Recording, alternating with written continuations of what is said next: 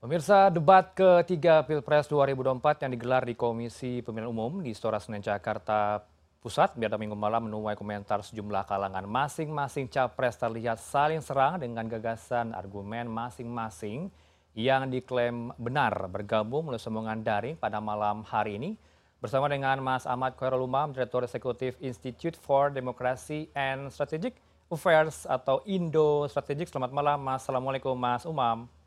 Salam sehat. Selamat malam, Waalaikumsalam Mas. Salam sehat selalu. Ya, debat boleh panas, tapi kalau kita di ruangan masih uh, dingin begitu ya. Karena cuaca masih sejuk Selalu gitu ya, dingin. ya, musim hujan. Tapi kalau melihat uh, kemarin Mas Umam, Anda mengamati seperti apa uh, secara keseluruhan debat kemarin? Dari performa, dari visi misi, sudah tersampaikan belum ya? Ya, secara umum uh, cukup menarik. Uh, yang pasti dari sisi Ganjar, tampil cukup cerdas, dengan menggunakan basis argumen yang juga cukup uh, matang dan dipersiapkan secara memadai. Uh-huh. Sementara Anies Baswedan sendiri tampil dengan bernas, dengan strategi ofensif uh, sejak awal sampai akhir, sedangkan Pak Prabowo sendiri cenderung defensif. Dan problemnya uh, kemudian beliau menjadi kurang elaboratif. Nah, hmm. mengapa hal ini terjadi? Tampaknya uh, Pak Prabowo masuk dalam perangkap yang dipersiapkan oleh uh, kubu 01 dan juga kubu 03 terutama ketika kemudian uh, pertama kali Anies menyampaikan kritik secara tajam kepada Pak Prabowo dan tampaknya hal itu memetik emosi dari uh, Pak Prabowo itu sendiri. Hal itu tampak betul bagaimana kemudian respon dan juga reaksi uh, dari beliau uh, mencoba untuk menahan emosi dan impactnya adalah tidak lagi fokus pada konteks narasi, argumen, Eh, bagaimana penjelasan lebih detail tentang filosofi dan juga kebijakan pertahanan keamanan termasuk ketika kemudian bicara yang tidak terlalu sensitif hmm. misalnya bicara tentang konteks hubungan internasional geopolitik dan sebagainya karena itu eh, secara umum strategi ofensif yang digunakan oleh kubu 01 dan kubu 03 hmm. Eh, tampaknya berhasil untuk mengecoh Eh, pertahanan Pak Prabowo dan hal itu wajar dalam konteks kontestasi karena bagaimanapun juga elektabilitas dari Pak Prabowo sudah cukup terkonsolidasi sementara di kubu 01 dan juga kubu 03 eh, masih harus tampil secara kompetitif untuk bisa meraih basis dukungan pemilih loyal yang lebih kuat sehingga kemudian strategi yang kemudian digunakan adalah strategi ofensif atau menyerang. Uh, baik, uh, Anda melihat Pak Prabowo ini cenderung lebih ofensif, uh, defensif begitu ya, bertahan dari serangan uh, dari 01 dan 03 begitu ya. Tapi faktor yang mendasari apa sih Mas Umam? Uh, apakah ada faktor overconfidence? Kita tahu background dari Prabowo Subianto adalah seorang menhan, tahu soal isu-isu soal pertahanan, keamanan, geopolitik, yeah. HI. Apakah ini membuat uh, yeah. over overconfidence seorang Prabowo ini uh, buyar seketika menjawab pertanyaan dari lawan debatnya kemarin? Iya, memang tema ini betul-betul sangat Prabowo banget. Hmm. Karena bagaimanapun juga beliau adalah satu-satunya capres yang memiliki latar belakang militer, sementara yang lain semuanya dari kalangan sipil. Dan ketika kemudian bicara tentang pertahanan dan keamanan, maka kemudian pendekatan kebijakan dan juga filosofi pertahanan itu tentu beliau eh, memahami. Bukan hanya dalam konteks teks tetapi juga dalam di lapangan. Tetapi kemudian barangkali memang betul ada overconfidence hmm. yang kemudian buat persiapan itu barangkali uh, tidak begitu matang hmm. atau sebenarnya persiapan sudah matang tetapi kemudian dalam proses eksekusinya ada usikan yang dilakukan, terutama ketika kemudian serangan yang dilakukan oleh Anies Baswedan eh, langsung menghantam jantung pertahanan Pak Prabowo ketika kemudian eh, Mas Anies menyebut tentang eh, kepemilikan lahan 340 ribu hektar dikontraskan dengan eh, kondisi prajurit yang memiliki eh, tempat tinggal dan sebagainya. Tampaknya hal itu betul-betul mengusik eh, zona nyaman dan juga Eh, basis konsentrasi dari Pak Prabowo. Nah, oleh karena itu, hmm. sebenarnya Pak Prabowo tentu memiliki keleluasaan bicara tentang konteks menjelaskan ya secara umum.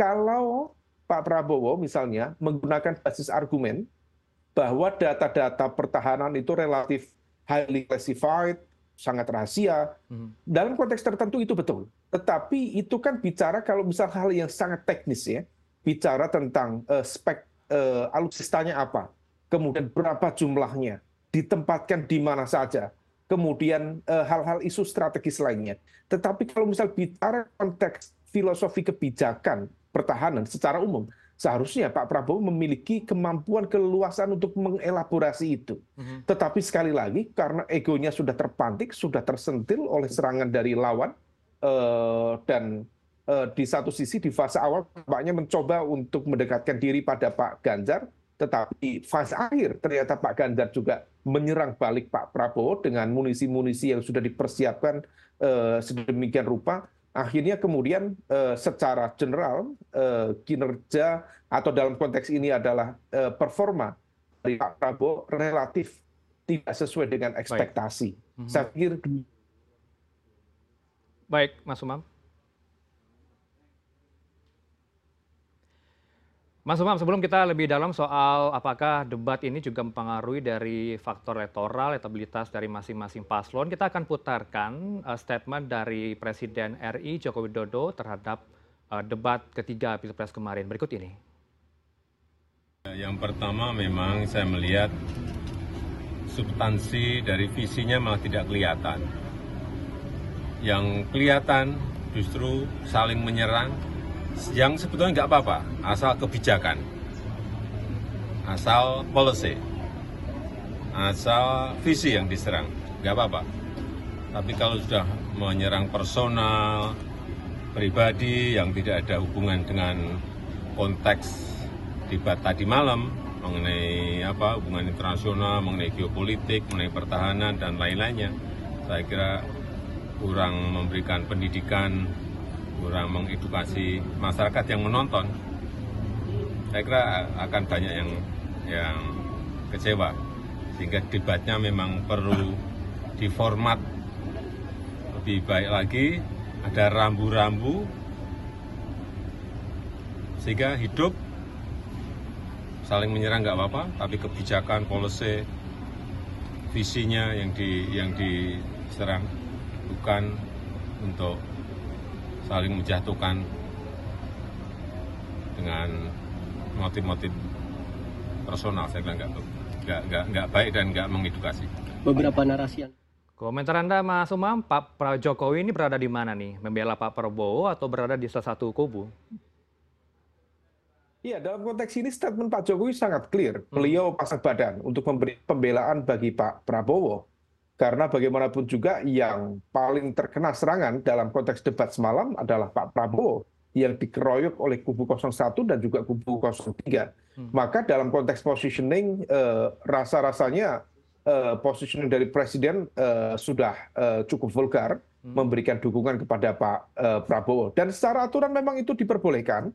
Eh, Undang Pemilu nomor 7 tahun 2017 tepatnya di pasar 299 memang memberikan kesempatan bagi presiden dan wakil presiden untuk memberikan dukungan pada paslon tertentu asalkan tidak menggunakan instrumen kekuasaan yang dimiliki instrumen kekuasaan negara di dalam konteks memobilisasi dukungan terhadap paslon 1, 2, dan 3. Nah, oleh karena itu eh, tentu dalam konteks ini respon dari Pak Jokowi sebenarnya cukup eh, menarik dan juga relevan untuk dipertimbangkan. Tetapi kalau misal kemudian eh, eh, personal itu bukan dalam konteks personal pribadi, tetapi personal dalam kapasitasnya sebagai pejabat publik, tentu juga eh, layak untuk diaudit.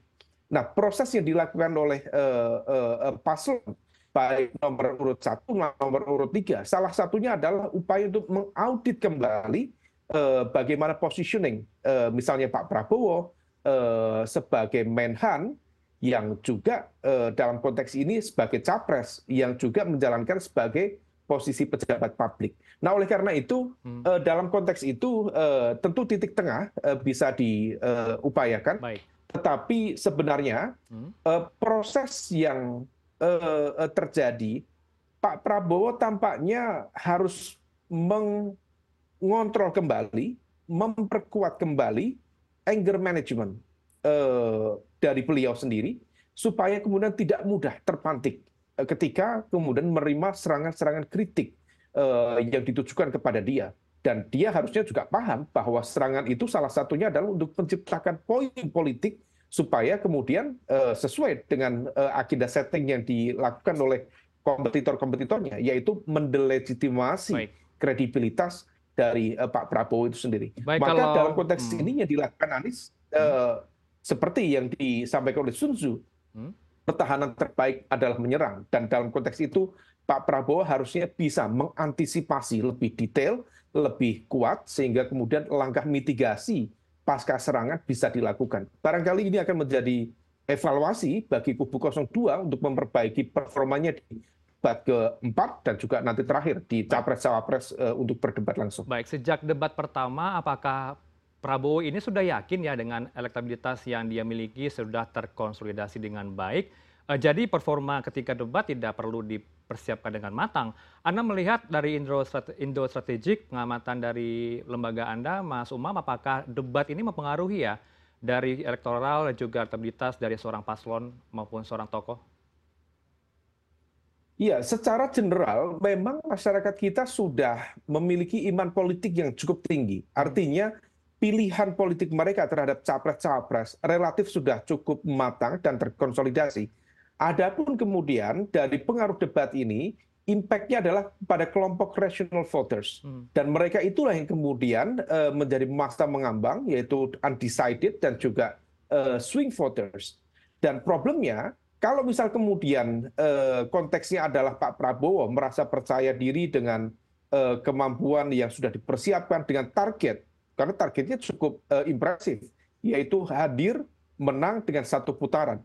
Kalau mau menang, dengan satu putaran, maka Pak Prabowo harus mampu menjalankan format dalam berbagai kesempatan, baik dalam debat terbuka maupun dalam konteks kampanye secara general, hmm. harus disiplin dan juga mengurangi eh, potensi-potensi blunder.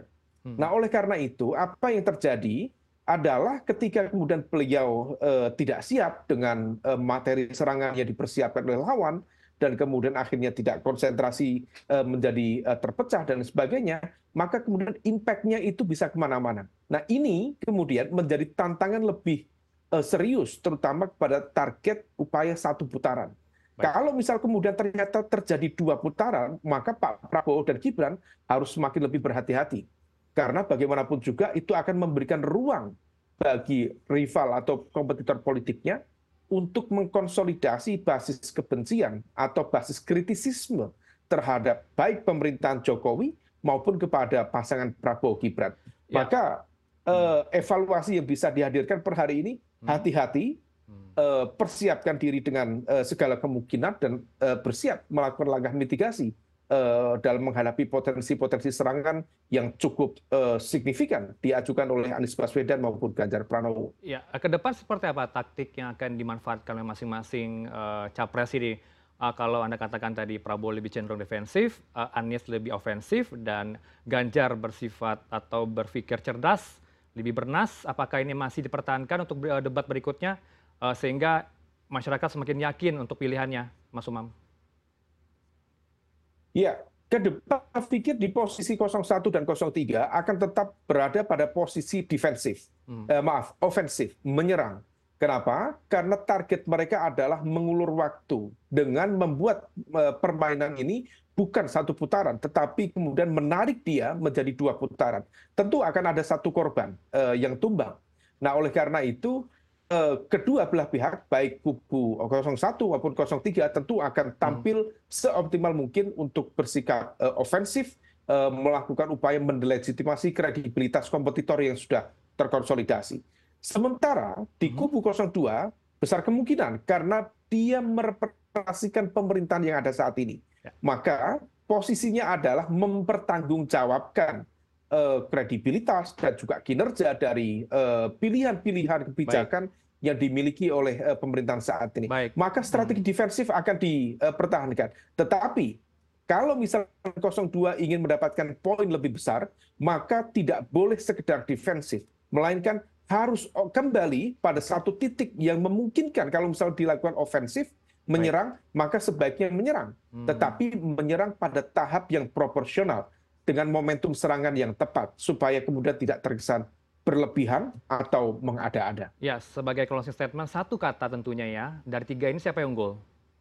Ganjar, Prabowo, atau Unggul Anies? secara narasi, Hmm. unggul secara narasi, secara substansi Ganjar Pranowo. Dia memiliki eh, basis kekuatan yang eh, cukup eh, dipersiapkan oleh tim kontennya. Adapun dalam konteks eh, eh, apa namanya percakapan publik, saya pikir Anies eh, memiliki poin yang eh, lebih besar karena dia membangun basis konfrontasi secara terbuka Hmm, dengan. Prabowo. Adapun Prabowo skornya untuk kesempatan ini eh, eh, belum begitu kompetitif. Barangkali di kesempatan yang akan datang dia akan melakukan evaluasi kembali atas performa eh, dan juga pengalaman di debat ketiga ini. Mas Ahmad Khairul selaku Direktur Eksekutif Indo Strategik, terima kasih bersama kami di Prime News malam ini bersama analisa Anda. Eh, bagus sekali, terima kasih bersama kami di Prime News. Ada Ahmad Khairul selamat malam. Assalamualaikum. Selamat malam. Waalaikumsalam.